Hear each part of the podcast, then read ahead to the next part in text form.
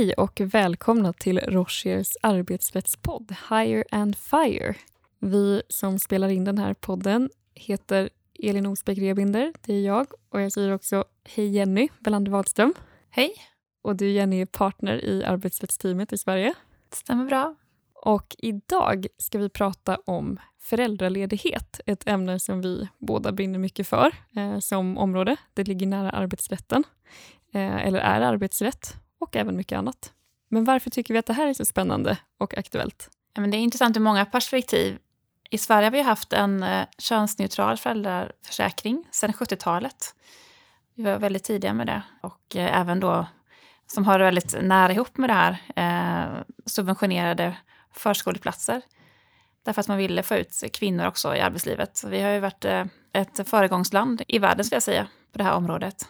Där har ju EU-rätten länge haft ett lite annorlunda perspektiv där EU-rätten har fokuserat mer på moderns rätt till ledighet främst för att gynna anknytning med barnet. Precis, för det är himla intressant tycker jag att vi i Sverige har alltid sett på det här som eh, ett delat ansvar. Så har det väl varit reglerat att det här är båda föräldrarnas eh, barn och eh, möjlighet att vara ledig med barnet. Medan inom EU har man mer tryckt på moderns rätt att vara ledig. Dels för att återhämta sig men också för att få kontakt med barnet då efter födseln.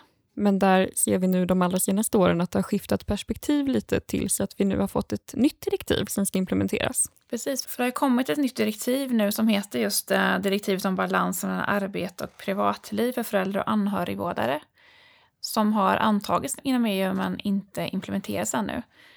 Och det här var ju, kom ju efter ganska många års förhandling. Det var redan 2017 som kommissionen lade fram det här förslaget. Så det var inte en helt enkel fråga att eh, smälta inom EU. Och länderna har nog ganska olika syn på just de här frågorna som har gjort att det har tagit lång tid att komma framåt. Mm. Nu när det här nya direktivet implementeras så trodde vi kanske att det skulle innebära vissa förändringar för Sverige också, men nu så som det föll ut så tror vi att förändringarna blir ganska begränsade, i alla fall vad gäller de här dagarna som är särskilt reserverade för den ena föräldern som man inte kan lämna bort. Utan på det sättet verkar det nu vara oförändrat, men det finns ändå vissa ändrade perspektiv. Och ett av dem är ju särskilt möjligheten till balans mellan arbete och fritid. Men det man kan säga är ju att eh, EU nu har börjat närma sig det svenska synsättet där rättigheterna går till föräldrarna, eller att man ska vara föräldraledig snarare, att det är det som är rättigheten. Och rätt till betald ledighet. Precis. Och då efter att ha pratat en del om vad det är för bakgrund och varför det är spännande, då undrar man ju kanske vad har man för rättigheter då som bolag eller för den delen rättigheter och skyldigheter som anställd? Precis, och vi har ju ett väldigt starkt skydd i Sverige eh, mot missgynnande av föräldralediga, om vi ska gå in på det, snarare än rätten till ledighet. Eh, och sen 2006 då har vi haft det här starka skyddet eh, som skulle påminna om det skydd man har för diskriminering. Så man håller isär begreppen. I diskrimineringslagen har man de här olika diskrimineringsgrunderna och så förbjuder man diskriminering direkt och indirekt. Medan i föräldraledighet pratar vi om missgynnande på grund av föräldraledighet. Så föräldraledighetslagen reglerar både rätten till ledighet men också innehåller den då ett missgynnande förbud som det vi tänkte prata lite mer om idag. Så det här missgynnandeförbudet då, det finns då i 16 paragrafen i föräldraledighetslagen.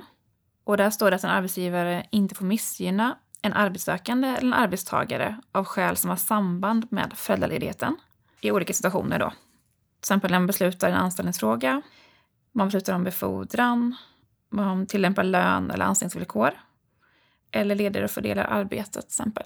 Och en sista bit är ju då också när det gäller uppsägning av arbetstagare. Föräldraledigheten är aldrig grund för uppsägning. Så det är en ganska bred katalog egentligen som man har att följa. Där man måste se upp så att man inte missgynnar någon som, som är skäl som har samband med föräldraledighet. Men då kommer nu dagens första ledande fråga. Är det här förbudet undantagslöst? Det skulle vara ett starkt skydd eh, när man eh, då gjorde om föräldraledighetslagen 2006. Men det finns också ett undantag som då Arbetsdomstolen har fått i uppdrag att tolka. Och det är då vad som är en nödvändig följd av ledigheten. Och nödvändig, det låter ju väldigt automatiskt och klart och tydligt, men det är ju ändå inte helt tydligt tycker vi i praxis ibland.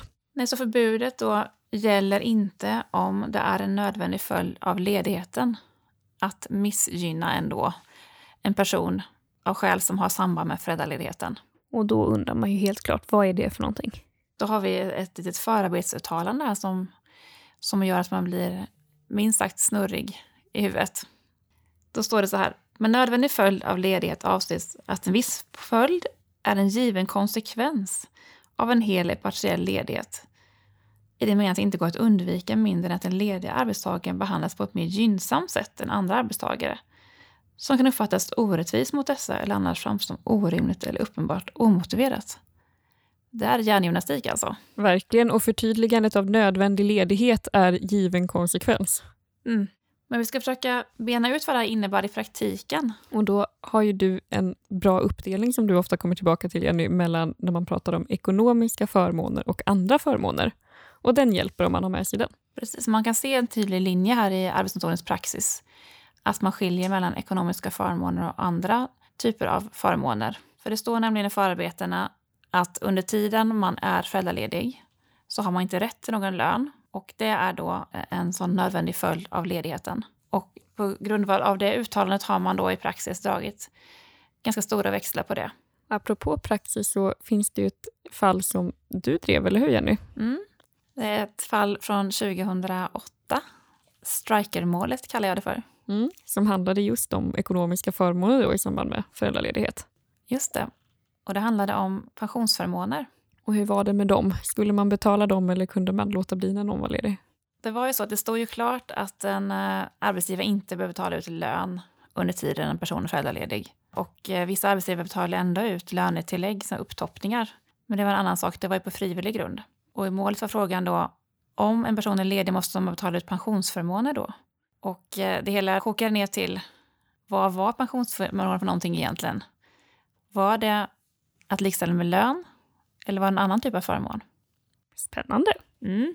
Och man kom fram till, det var många arbetsgivare som höll andan eh, i och med att det är ganska stora pengar som talas ut i pension om man skulle behöva betala det till personer som inte arbetade. Men man kom fram till i AD då att eh, man inte behöver betala ut pensionsförmåner under tiden någon är ledig. Det var en nödvändig konsekvens av ledigheten, att man inte fick pension. För pension var nämligen inget annat än uppskjuten lön. Men däremot när man kollar på ekonomiska förmåner, när man kommer tillbaka till arbetet från föräldraledigheten och börjar arbeta igen, då har man ett väldigt starkt skydd. Både då för lön och för andra saker, eh, som jag uppfattat det. För mm. att som en del då så ska det vara som om ledigheten inte har ägt rum. Och då har man väl rätt till samma löneutveckling som de andra som har varit på plats under den tiden. Ja, egentligen så att man har rätt till samma löneutveckling som man själv skulle haft om man hade varit i tjänst. Så man tittar bortom det här att man har varit borta egentligen. Utifrån vad du fått för löneförhöjningar tidigare var rimligt att anta att du skulle ha fått för löneförhöjning om du har arbetat. Och med lönehöjning, här menar vi då den ökning som skulle ske successivt men däremot inte befordran. Precis, den skillnad mellan befordran och lönehöjningar. Till exempel lönehöjningar som sker via kollektivavtal mm. är självklart att man ska få del av. Det blir svårare när man har en individuell lönesättning på ett företag. Och sen har man ju också rätt att inte missgynnas vid befordring och den typen av tillsättning. Men det är lite en annan fråga. Ja, där finns det starkt skydd också. Man ska dels komma tillbaka till ett likvärdigt arbete mm. om möjligt. Och man ska inte ta sig beaktande att man har varit föräldraledig eh, vid befordran och så. Här finns många spännande exempel från praxis. Också vad man har rätt till för kompetensutveckling och den typen av frågor kopplade till föräldraledigheten. Men det kanske vi dyker in på lite senare. Ja, men om vi ska prata vidare om det här med ekonomiska förmåner. Så samma dag som eh, dom meddelades i strejkemålet så meddelades också dom i ett annat mål som kallas för Bohuslänningen som handlade om då rörlig lön.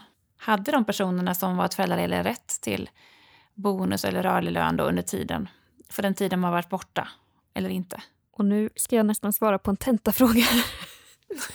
Eh, man har rätt till lön för den tid då man har varit på plats, lön och rörlig lön för den tid man har varit på plats. Men däremot kan man inte ta bort bonus eller annan rörlig lön helt och hållet därför att man har varit frånvarande under viss tid. Precis, som man har inte rätt till bonus de månader man varit borta. Men däremot så är det inte förenligt med missgynnandeförbudet att helt falla ur ett bonusprogram för att man har varit borta, utan man måste få i proportion till den tid man har arbetat. Så om ni någon gång ser i anställningsavtal och bonusplaner att man har rätt att proratera för den tid man har varit där, så är det det ofta som avses. Precis, så när man är borta på föräldraledighet så har man alltså inte rätt till några ekonomiska förmåner, är min tolkning av praxis. Men där måste man komma tillbaka så har man ett starkt skydd. Och om man tänker på det från ett eh, övergripande perspektiv så skulle det kunna vara lite liknande om man är deltidsledig. Att man inte har rätt till lön och förmåner för den tiden då man är ledig, men på den tiden man är på plats på deltid så mm. har man rätt till lön och andra förmåner som alla andra utifrån den tid man är där. Ja, men då har vi rätt ut det här då med ekonomiska förmåner. Men hur är det med andra typer av förmåner? De har man ju då rätt att inte missgynnas vid. Utan när arbetsgivaren beslutar om den typen av andra förmåner som inte är ekonomiska, då ska föräldralediga inte missgynnas jämfört med andra arbetstagare. Och det skyddet är väldigt starkt. Det finns ett eh, tydligt exempel på det här som också kom i samband med att Striker och Bohuslänningen kom.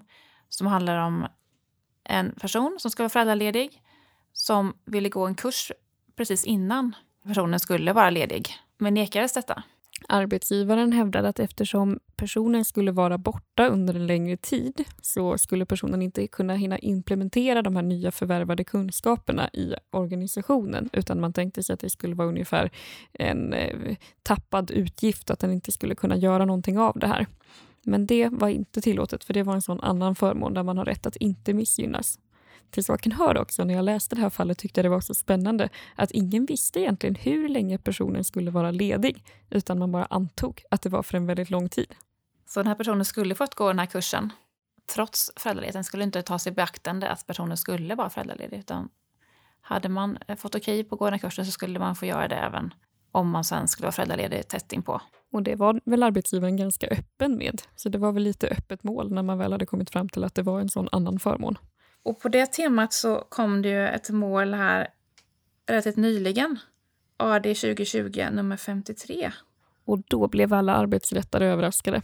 För nu hände någonting som vi inte trodde var möjligt. Ja, det var inte bara det här med föräldraledigheten utan det var annat som var intressant i det här målet. Det var en provanställning och en person som hade under provanställningen behövt vara föräldraledig en längre tid och då ansåg parterna att man inte hade kunnat testa den här personens förmåga att utföra arbetet och så.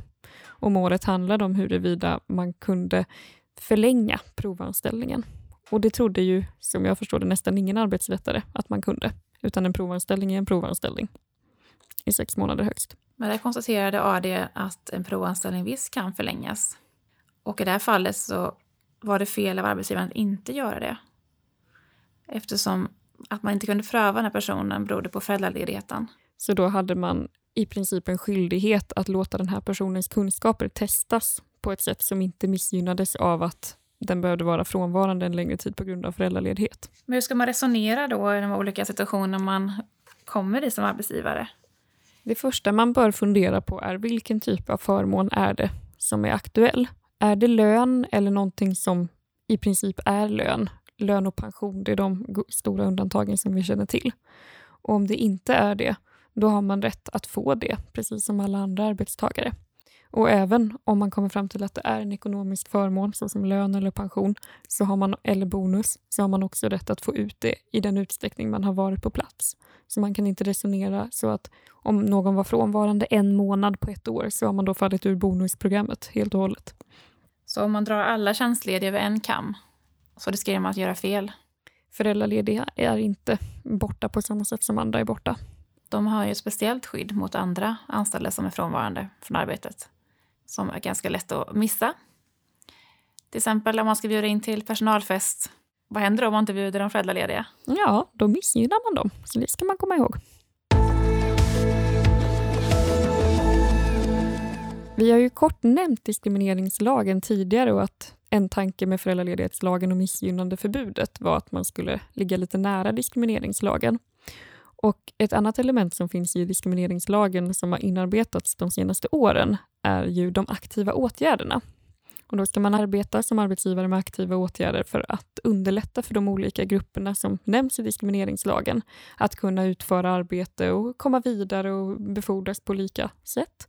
Och till och med då, även om det inte är en diskrimineringsgrund, så ingår eh, föräldraledighet och personer som är småbarnsföräldrar och så. Och att man ska arbeta med aktiva åtgärder för att underlätta för dem. Man ska hjälpa dem att förena eh, småbarnslivet med arbetet. Och det är ord som vi kanske då lite känner igen från det här direktivet som du nämnde tidigare, balans mellan arbete och fritid.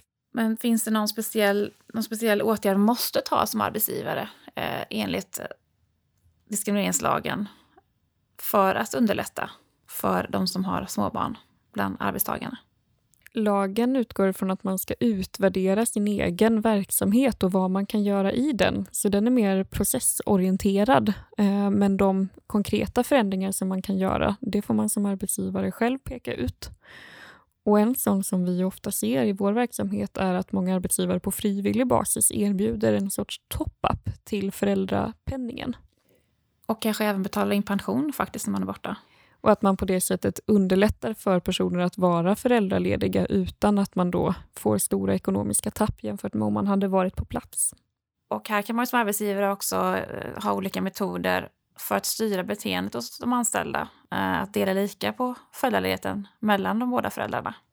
Och en modell där som vi har sett de senaste åren kan ju vara dels att man ger eh, top-up under ett visst antal månader som inte då är 480 dagar utan snarare kanske 6-9 månader. Så att man på det sättet gynnar en lite kortare ledighet. Och Vissa har till och med också att man då har ett lägre tak eh, som man måste upp till för att ens få del av den här top-upen. Så att om man tar ledigt en månad under fotbolls-VM så får man då inte ledigt eh, med den här top-upen.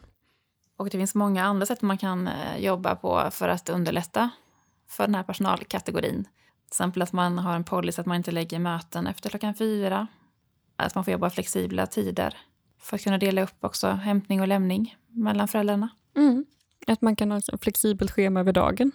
Men det är alltså ingenting man måste göra konkret utan man ska jobba brett på vad det är som krävs för att eh, de som har småbarn ska kunna också göra ett bra jobb. Och lite med det här svenska lagstiftarens tendens att vara mer ramlagstiftningsorienterad så har man säkerligen tänkt att den som funderar bäst på de förutsättningar som finns i verksamheten är den som bedriver dem och att det är väldigt olika förutsättningar från bransch till bransch vad man behöver göra för att underlätta. Men missgynnandeförbudet gäller alla? Så om vi skulle ge ett medskick till er som lyssnar på det här och är arbetsgivare eller bolag vad skulle vi vilja säga då när det gäller föräldraledighet? Att det gäller att tänka till här att den här gruppen av anställda har särskilt skydd enligt föräldraledighetslagen. Och det ligger ju då i någon mån både precis innan man tar föräldraledighet, om det beror på föräldraledigheten så att säga, under själva ledigheten, men även därefter. Så att det är inte heller så att när man har kommit tillbaka då spelar det ingen roll längre, utan i viss mån ligger visst skydd kvar även efter ledigheten. Och under själva ledigheten, då står det helt klart att man inte har rätt till någon lön eller andra ekonomiska förmåner då enligt praxis. Men när man kommer tillbaka till arbetet däremot så har man ett starkt skydd för samma lön som man skulle haft om man har jobbat den här perioden. Och skydd för sina arbetsuppgifter eh, som man hade tidigare och att inte missgynnas vid befordringstillfällen och liknande. Men vad gäller andra förmåner än löneförmåner, där bör man hantera de föräldralediga som att de vore på plats, helt enkelt. Man bör bjuda in dem till firmafesten, konferensen, utbildningstillfällen. Och dela information med dem så att de vet vad som händer. Och dessutom så bör man tänka på att man löpande inom ramen för sin verksamhet arbetar med de aktiva åtgärderna eh, som arbetsgivare, där man ska förenkla möjligheten att förena arbete och familjeliv för sina arbetstagare. Och vad det innebär konkret kan variera från verksamhet till verksamhet och den som är bäst lämpad att fundera över det är arbetsgivaren själv som har inblick i sin verksamhet. Precis. Och med de orden så är det dags att avsluta det här avsnittet om föräldraledighet. Men om ni har frågor eller synpunkter eller förslag på nya ämnen får ni jättegärna höra av er till vår e-postadress higherandfire.rochier.com eller klicka in på vår hemsida och där hittar ni mig, Elin Osbeck och Jenny Welander Wadström. Hej då! Tack för idag, hej då!